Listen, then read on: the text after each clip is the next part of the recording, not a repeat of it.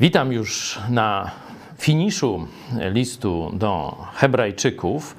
Zostało nam trochę ponad miesiąc i jak Bóg da, dojdziemy do końca. Księga długa, księga nie taka łatwa, jeśli chodzi o zrozumienie.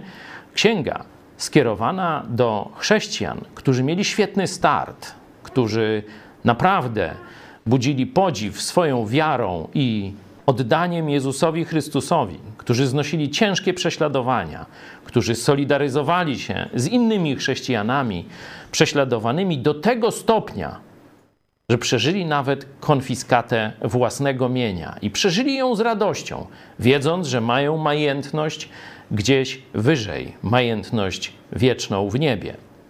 Ale teraz coś się z nimi stało. Teraz stali się ociężali w słuchaniu, teraz stali się zniechęceni, teraz są podłamani. Po to jest list do Hebrajczyków.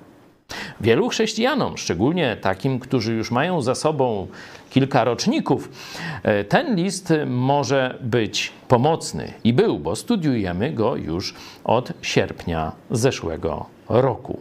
Tydzień w tydzień, mniej więcej. Przeczytaliśmy ten e, taki rozdział bohaterów wiary, czyli rozdział jedenasty, gdzie praktycznie od Księgi Rodzaju aż po czasy Chrystusa omówiliśmy przeróżnych bohaterów wiary. Tych, którzy odnieśli wielkie sukcesy dzięki mocy Boga i tych, którzy zostali zabici, po ludzku mówiąc, przegrali wszystko, a jednak zostali zrównani jako inspiracja dla nas. Że zarówno ci zwycięzcy, jak i ci po ludzku przegrani złożyli chlubne świadectwo. Pamiętacie ten werset z 11 rozdziału? 39, gdzie już jest podsumowanie tych dwóch scenariuszy przeciwnych sukcesu i klęski, a wszyscy ci, choć dla swej wiary zdobyli chlubne świadectwo, nie otrzymali tego, co głosiła obietnica, czekając na nas, ale my skupiamy się na ich chlubnym świadectwie. I później mamy rozdział 12, pierwsze dwa wersety przerobiliśmy, który, które są podsumowaniem tego rozdziału wiary. Przeto i my, mając około siebie tak wielki obłok świadków, to do tych bohaterów wiary nawiązuje, złożywszy z siebie wszelki ciężar ich grzech, który nas usidla, biegnijmy wytrwale w wyścigu, który jest przed nami, patrząc na Jezusa, sprawcę i dokończyciela wiary, który zamiast doznać należytej mu radości wycierpiał krzyż, nie bacząc na jego hańbę i usiadł po prawicy tronu Bożego. Dzisiaj będziemy szli Dalej będziemy mówić o dyscyplinie. Zobaczcie, najpierw jest wzór wiary, a teraz wzywa do wytrwania w tej wierze autor listu do Hebrajczyków. Ale do tego, żeby wytrwać w tej wierze, będziemy potrzebować dyscypliny. Dyscypliny od Boga i czegoś od nas. Ale o tym za chwilę. Jako taką dla E, chcących, czyli e, dobrowolną pracę domową, zadałem lekturę tych wszystkich tekstów, gdzie bohaterowie wiary zostali już tylko wymienieni z imienia. E, między innymi Samson, między innymi Dawid, między innymi Samuel, Gedeon i tak dalej. Dlatego Pytanie na początek. E, ktoś z Was może zapoznał się ze Starego Testamentu z jedną, czy ze wszystkimi, czy częścią tych postaci i chciałby podzielić się swoimi wrażeniami. Co Was zachęciło szczególnie z wiary tych ludzi, którzy już tu zostali, można powiedzieć, tylko z imienia wymienieni? Proszę bardzo.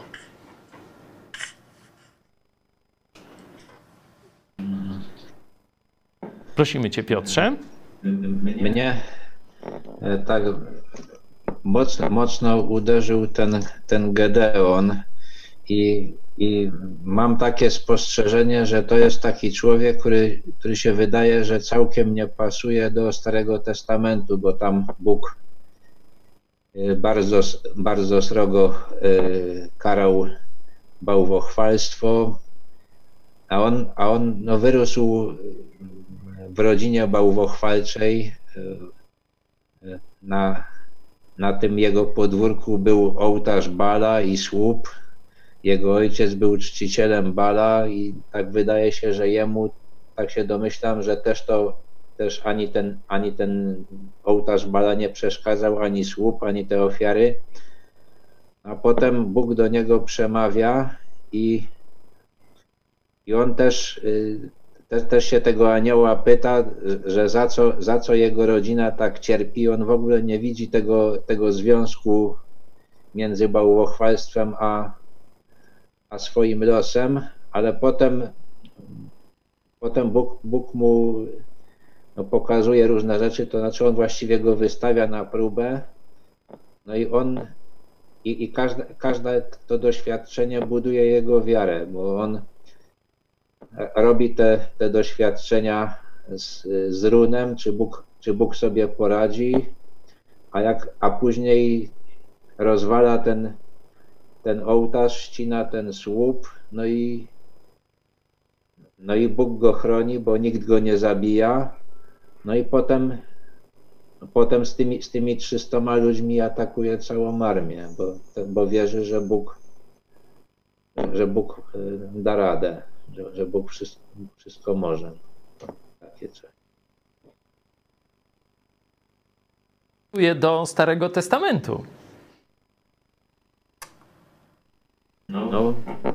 no, dlaczego nie pasuje? No bo, no bo za bałwochwalstwo no to była kara śmierci, co prawda nie było, nie było jej komu wymierzyć, ale bo, bo wszyscy, wszyscy tak samo, no ale. No ale tak... nawrócił z tego bałwochwalstwa. Czyli porzucił tutaj fałszywą wiarę ojców. I ojca się też nawrócili, jeszcze taka ciekawostka. Dzięki Piotrze. Tu mam w ręku jakiś ślad Gedeona.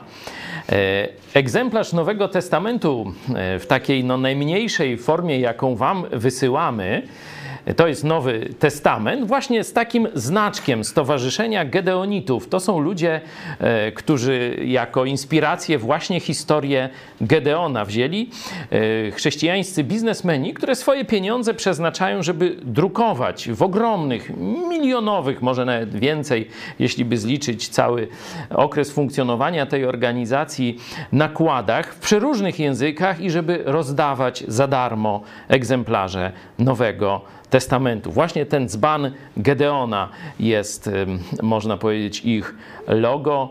E, wielu z Was e, pierwszy kontakt z Biblią miało właśnie przez tych Gedeonitów. Także zobaczcie, jak ta historia e, no, do dzisiaj jest inspiracją dla chrześcijan do takich wielkich dzieł wiary.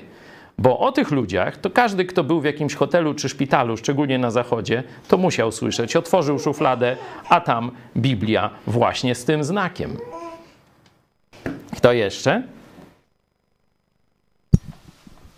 ja miałem takie przemyślenie e, odnośnie Samsona, bo tam zwykle jak czytam jego historię, to mam takie samo, no wszyscy wiemy jaki był e, silny, odważny, że tam w pojedynkę rozbijał całe tam oddziały tych Filistyńczyków, czy całe wioski, ale zawsze mnie uderza ta jego mm, jakaś nie, nieroztropność czy głupota w stosunku do, do kobiet, jak one go tam łatwo oplatały i jak on jakoś Choć, choć widział przecież, że, że współdziałają e, z jego wrogami, no bo on tam najpierw zadał zagadkę tej jakiejś pierwszej żonie, e, znaczy mm, z tym swoim wrogom e, i potem ta pierwsza żona cały czas go wypytywała, no to on w końcu jej to wyjawił, no to i oni się później dowiedzieli, no ale potem już tą końcową, Dalilą chyba, no to ona cały czas go pytała o ten sekret swojej siły, on to ją zwodził, za każdym razem ona sprzedawała tą informację E, jego wrogom. Oni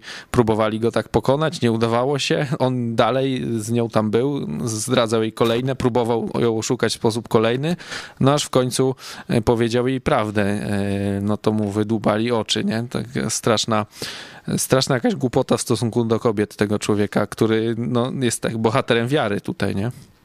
Zdaje się, że bohaterstwo wiary tego no, nieszczęśnika, bo tak trzeba go nazwać, bardzo ubłogosławionego we wszystko, nie? i w mądrość, i w siłę, i w zdolności przywódcze, ale do kobiet nie miał, że tak powiem, ręki czy, czy głowy raczej, bym tak powiedział. Zdaje się, że jego takie ten wzór wiary pokazał się, kiedy był już właśnie w lochu, był zakuty w łańcuchy, był wyśmiewany przez swoich wrogów, oślepiony. Wyglądało, że już przegrał, że już nic nie może. Ale końcówka jego życia to była chyba jego największa wygrana bitwa. Całą elitę tych wrogów pociągnął razem ze sobą, wołając z wiarą do Boga, że pomimo tego, jak głupio zgrzeszył, to Bóg mu pomoże i pomógł. Ktoś jeszcze? Mogę jeszcze dorzucić do y, historii Gedeona, że mnie poruszyło właśnie to, że on y, no, był niepewny i prosił Boga o to potwierdzenie, ale jak już dostał to potwierdzenie, to, to poszedł z wiarą i y, bez względu na okoliczności i też, że oddał chwałę Bogu w tym wszystkim i też poruszyło mnie to, że po tym wszystkim był, jednak spotkał się z taką niewdzięcznością, on i jego rodzina, że pomimo tego sukcesu jednak nie, nie doczekał się takiego uznania wśród ludzi. Mhm. Dzięki. Przejdźmy do naszego dzisiejszego tekstu. Dzisiaj będziemy analizować wersety z 12 rozdziału, tak jak powiedziałem, o dyscyplinie od 3 do 13. 12 rozdział. Przeto pomyślcie o tym, który od grzeszników zniósł tak wielkie, tak wielkie sprzeciwy wobec siebie, abyście nie upadali na duchu utrudzeni. Wy nie opieraliście się jeszcze aż do krwi w walce przeciw grzechowi i zapomnieliście o napomnieniu, które się zwraca do was jak do synów. Synu mój, nie lekceważ karania pańskiego, ani nie upadaj na duchu, gdy on cię doświadcza. Bo kogo Pan miłuje, tego karze i chłoszcze każdego syna, którego przyjmuje. Jeśli znosicie karanie, to Bóg obchodzi się z wami jak z synami, bo gdzie jest syn, którego by ojciec nie karał? A jeśli jesteście bez karania, które jest udziałem wszystkich, wtedy jesteście dziećmi nieprawymi, a nie synami. Ponadto szanowaliśmy naszych ojców według ciała, chociaż nas karali. Czy niedaleko więcej winniśmy poddać się Ojcu Duchów, aby żyć? Tamci bowiem karcili nas według swego uznania na krótki czas. Ten zaś czyni to dla naszego dobra, abyśmy mogli uczestniczyć w Jego świętości. Żadne karanie nie wydaje się chwilowo przyjemne, lecz bolesne. Później jednak wydaje błogi owoc sprawiedliwości tym, którzy przez nie zostali wyćwiczeni. Dlatego opadłe ręce i omdlałe kolana znowu wyprostujcie. Prostujcie ścieżki dla nóg swoich, aby to, co chrome, nie zboczyło, ale raczej uzdrowione zostało. Dzięki. Zobaczmy, jaka według autora listu jest sytuacja adresatów. Zrobiłem taki wstęp, gdzie o, nim, o tym trochę mówiłem, ale spróbujmy z tego tekstu wybrać wyrażenia i wersety, gdzie e, autor opisuje sytuację, aktualną sytuację duchową chrześcijan, do których pisze chrześcijan żydowskiego pochodzenia. Proszę, propozycje.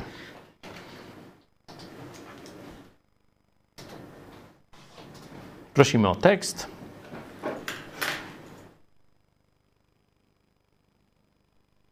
Które wersety opisują aktualną sytuację? Nie to, do czego ich wzywa, nie? tylko jak dzisiaj funkcjonują duchowo chrześcijanie, do których pisze autor listu do Hebrajczyków. Trzeci. Trzeci werset. Co nam mówi? Utrudzeni. Są utrudzeni. Czwarty. No, czekaj, jeszcze ten trzeci może. Co o ich życiu duchowym z trzeciego wersetu może, możemy wywnioskować więcej? Są utrudzeni, ale są też upadli na duchu. No bo jak jest, żebyście nie upadali, nie? Dzisiaj jak się nazywa? Depresja. Nie? To tak ten, to upadli na duchu. Zobaczmy, mm, jaki, jaki jest y, grecki opis y, tego, y, tego stanu. Osłabienie dusz, tutaj mam taki, taki idiom grecki, nasz nauczyciel greki. Rafał, czy coś może do tego, do tego idiomu z tym osłabieniem na duchu byś dodał? To, to słowo jest e, ekliome i um, to znaczy być wycieńczonym. Czyli. Mhm. Tak. W ogóle całe to zdanie to e, może najlepiej byłoby przetłumaczyć, abyście będąc wycieńczonymi nie podupadli w duszach waszych, czyli albo nie zachorowali wręcz, bo to słowo, e, ten drugi czasownik to jest e, kamno, czyli zachorować e, czy Przegrać, podupaść. doznać porażki, tu mam w naszym interninarze. czyli widać, że ich stan jest no jakiś taki opłakany. Nie? Oni są rozłożeni na łopatkach duchowo.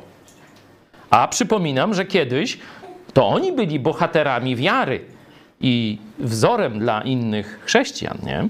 Nie będę tego, do tego wracał, ale to już studiowaliśmy. Możecie przeczytać sobie cały list do Hebrajczyków, wtedy to e, znajdziecie.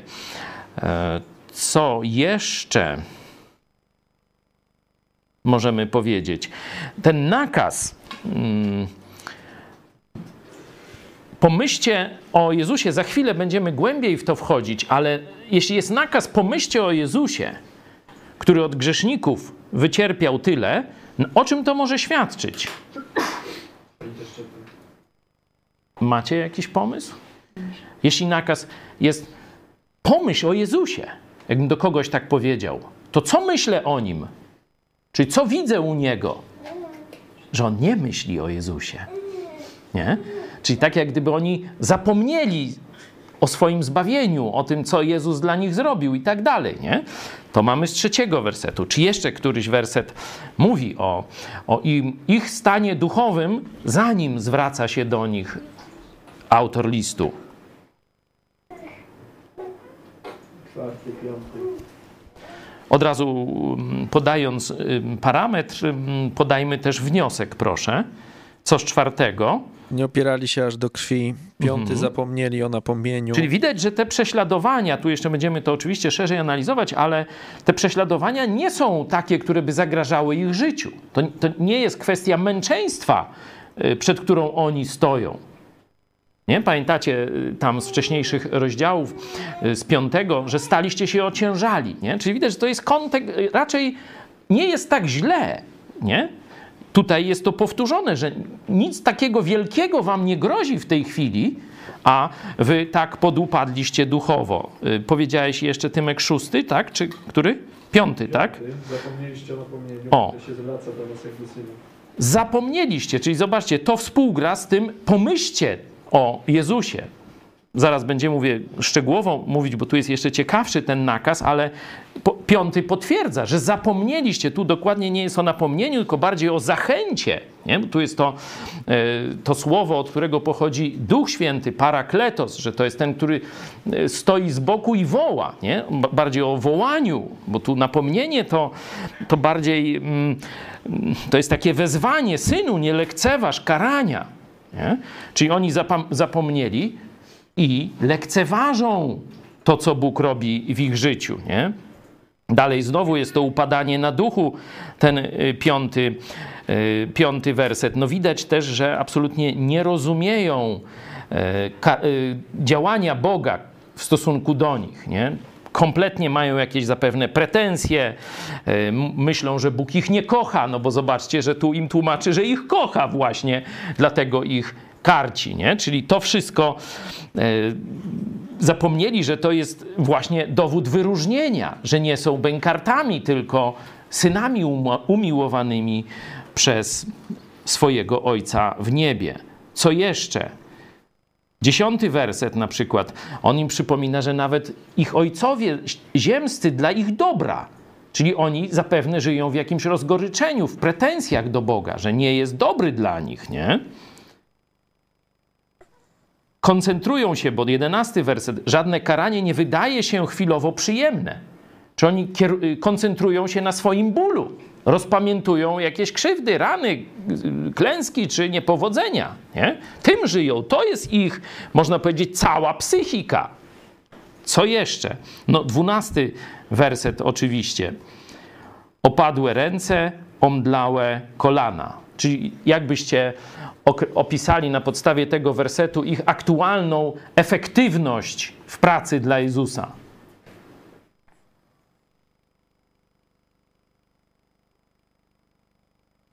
Niewielka. Słucham? Niewielka. Niewielka, tak. Bo wiecie, no powiedzmy jest pług jakiś i trzeba, no to trzeba podnieść ręce, natężyć się i pchać, nie? No radło bardziej, bo pługa się tam nie da rady, to ciągnąć. Tu jest opadłe ręce, czyli oni jak gdyby przestają pracować i przestają iść. Pamiętacie obraz zbroi Bożej? Co tam było jako jeden z ważnych elementów, z ważnych elementów rynsztunktu z listu do Efezjan z szóstego rozdziału? Sandały gotowości głoszenia dobrej nowiny. Nie? To jest element, bardzo ważny element e, rynsztunku rzymskiego żołnierza porządne buty. I tu widać, że oni mają y, nie tylko opadłe ręce, ale omdlałe kolana, że prawdopodobnie nie dzielą się też Ewangelią. Prostujcie ścieżki, zobaczcie z 12.1, wychodzimy trochę pod ten, poza ten fragment, y, tam zrzućcie, zrzućcie z siebie wszelki ciężar i grzech a tutaj prostujcie ścieżki dla nóg waszych, aby to, co zboczyło. Czyli oni zeszli z pełnienia woli Bożej, zajęli się jakimiś innymi celami w życiu. No, bardzo brzydka, e, jakby to powiedzieć, sytuacja duchowa, bardzo taka nieprzyjemna, no ale najważniejsze, kompletnie niesłużąca realizacji Bożych celów. Pamiętacie? E, po co Bóg nas tu zostawił? Żebyśmy skończyli studia i znaleźli dobrą pracę. To do maturzystów, nie? Tak rodzice teraz mówią. To jest cel życia? Nie, nie, nie. Żeby znaleźć męża albo żonę. O! To, to jest najważniejszy cel w życiu, nie? Po co nas Bóg zbawiwszy zostawił na ziemi? Coś wam świta? abyśmy wydali owoc na Jego chwałę, abyśmy szukali wpierw Jego królestwa, a nie swego królestwa.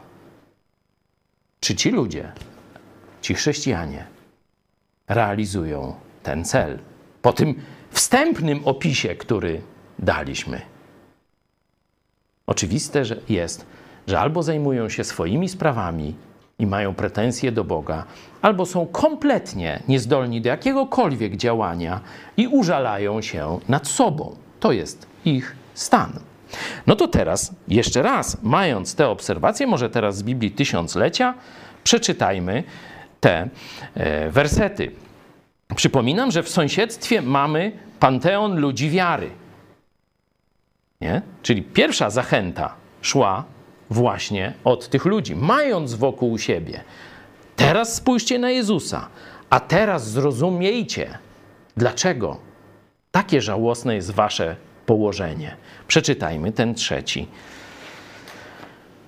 Trzeci, można powiedzieć, e, aspekt, którym stara się ich przywrócić do dobrego życia dla Chrystusa, autor listu, czyli od 3 do 13, tym razem z Biblii Tysiąclecia poproszę. Zastanawiajcie się więc nad tym, który ze strony grzeszników taką wielką wycierpiał wrogość przeciw sobie, abyście nie ustawali złamani na duchu. Jeszcze nie opieraliście się aż do przelewu krwi, walcząc przeciw grzechowi. A zapomnieliście o upomnieniu, z jakim się zwraca do was, jako do synów. Synu mój, nie lekceważ karania Pana, nie upadaj na duchu, gdy On cię doświadcza. Bo kogo Pan miłuje, tego karze, chłoszcze zaś każdego, którego za syna przyjmuje. Trwajcież w karności. Bóg obchodzi się z wami jak z dziećmi. Jakiż to bowiem syn, którego by ojciec nie karcił? Jeśli jesteście bez karania, którego uczestnikami stali się wszyscy, nie jesteście synami, ale dziećmi nieprawymi. Zresztą, jeśli ceniliśmy i szanowaliśmy ojców naszych według ciała, mimo że nas karcili, czy nie bardziej winniśmy posłuszeństwo ojcu dusz, a żyć będziemy? Tamci karcili nas według swej woli, na czas znikomych dni. Ten zaś czyni to dla naszego dobra, aby nas uczni, uczynić uczestnikami swojej świętości. Wszelkie karcenie na razie nie wydaje się radosne, ale smutne, potem jednak przynosi tym, którzy go doświadczyli, błogi plon sprawiedliwości. Dlatego wyprostujcie opadłe ręce i osłabłe kolana. Proste czyńcie ślady nogami, aby kto chromy nie zbłądził, ale był raczej uzdrowiony. Dziękuję. Jaki tytuł sobie nadamy temu fragmentowi? No, może Bóg karci w miłości, czy z miłością. Inny tytuł, taki bardziej opisowy, to są błogosławieństwa i wymagania Bożej dyscypliny. No, a taki, że tak powiem, swojski, e, który nadamy ty jako tytuł Ojciec prać, nie? ze znakiem zapytania.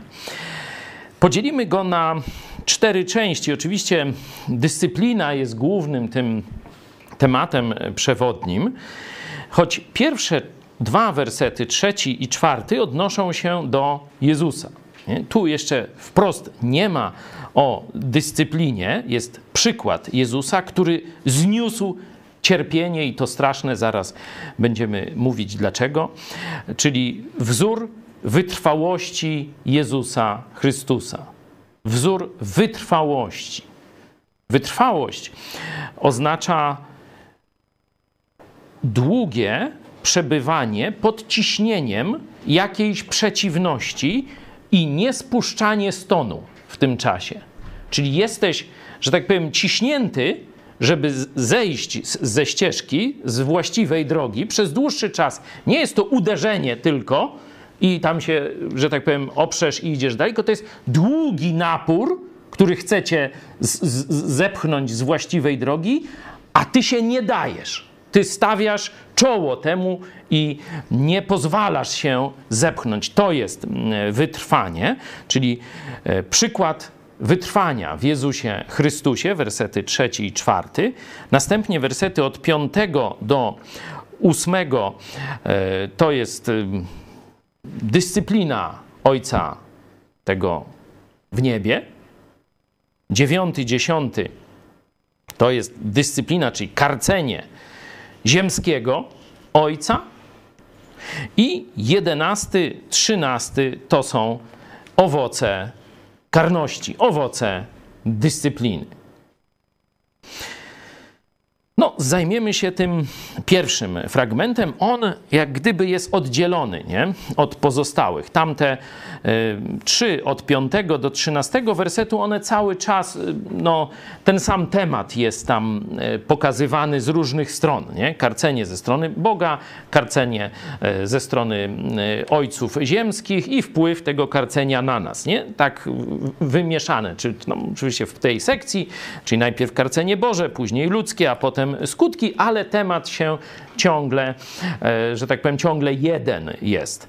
Wersety 3 i, 3 i 4 są bardziej kontynuacją jeszcze tego pierwszego i drugie, drugiego. Pamiętacie, e, patrzcie na Jezusa, tego, który jest pierwszy i który dokończy e, naszą, tego, który nas wprowadzi, tak mówiliśmy, do nieba. Czyli jest pierwszy, który zmartwychwstał i jest tym, który nas wprowadzi, zmartwychwstałych do nieba. To mówiliśmy tydzień e, temu, czyli bardziej wiąże się z osobą Jezusa, nie z techniką karcenia, jak gdyby, tylko z osobą Jezusa Chrystusa. I tu ten pierwszy, pierwszy nakaz, patrząc na Jezusa w Biblii brytyjskiej, przepraszam, nie patrząc, tylko pomyślcie o tym, który od grzeszników zniósł tak wielkie, e, wielkie. Mm, E, sprzeciwy. Pomyślcie o tym.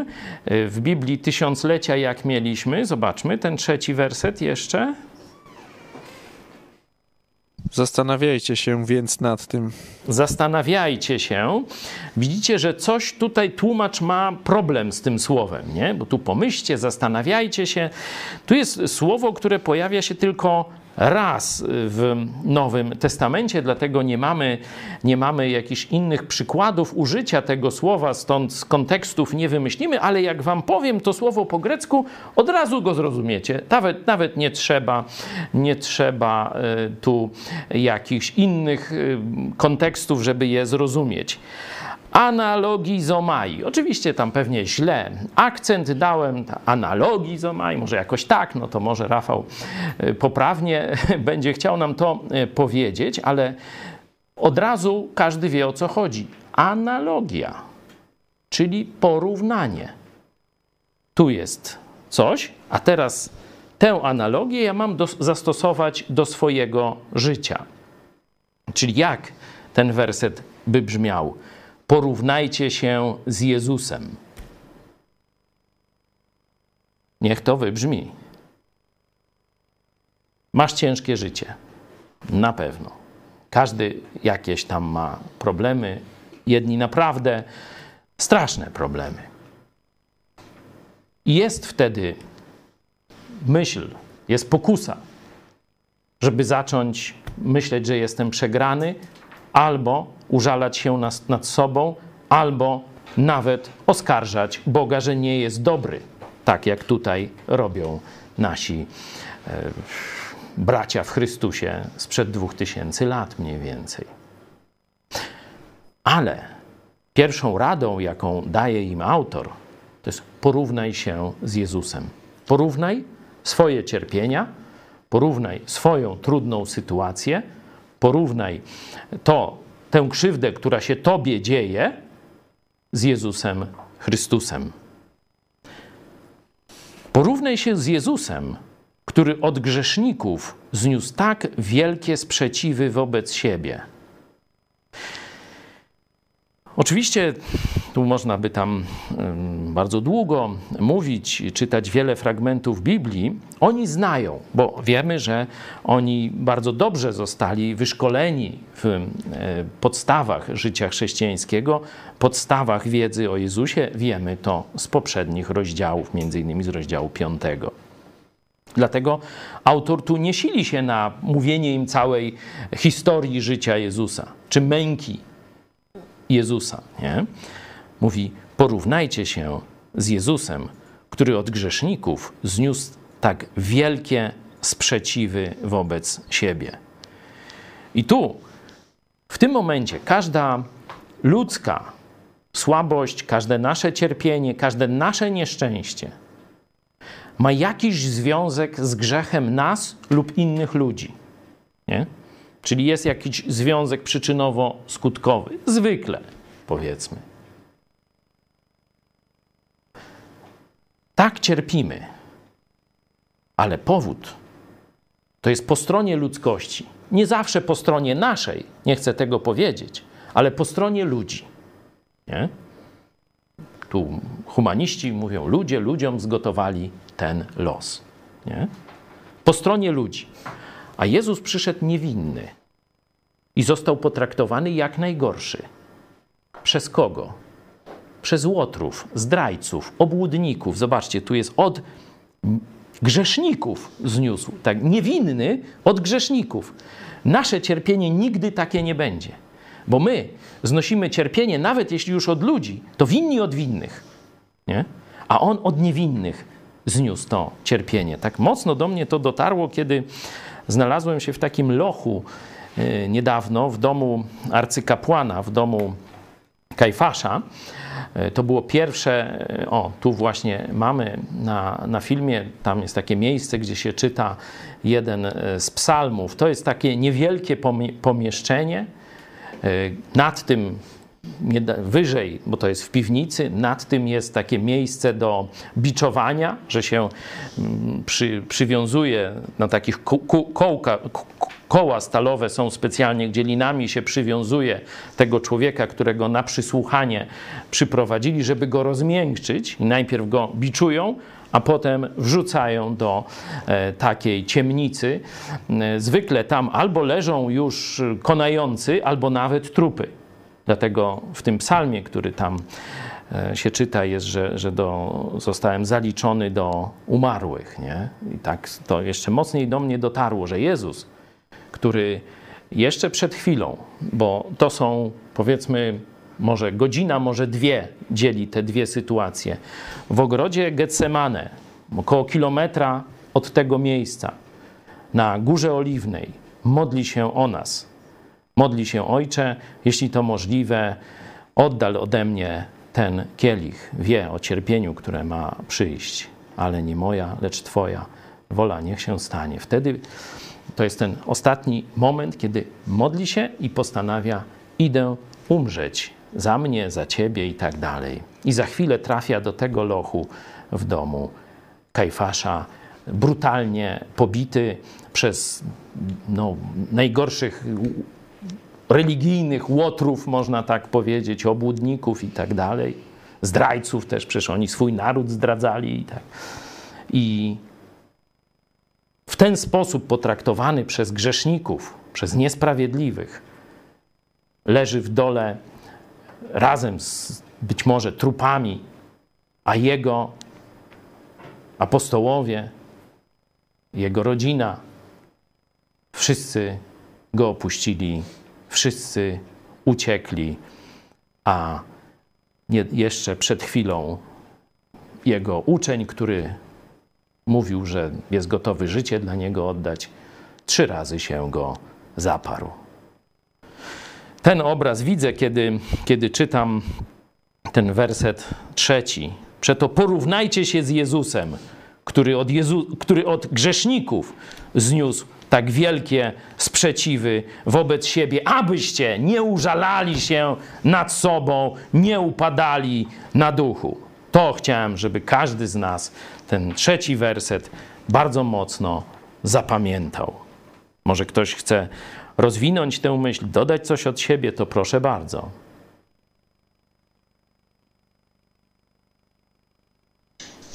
Ja mogę coś powiedzieć na temat tego wytrwania Proszę. Jezusa. E, tutaj e, jest piękne zastosowanie tego czasu perfekt, to znaczy nacisk jest na konsekwencje tego, to znaczy można powiedzieć, że Jezus jest zwycięzcą w tym E, w tym doświadczeniu, że wytrwał wrogość wobec siebie i ostał się. Amen. Dzięki. To mamy te pierwsze, e, pierwszy werset. No, drugi jest tutaj troszeczkę jest takiego zgiełku, znaczy no, zamieszania interpretacyjnego, co on znaczy. Przeczytajmy go werset czwarty. Wy nie opieraliście się jeszcze aż do krwi w walce przeciw grzechowi.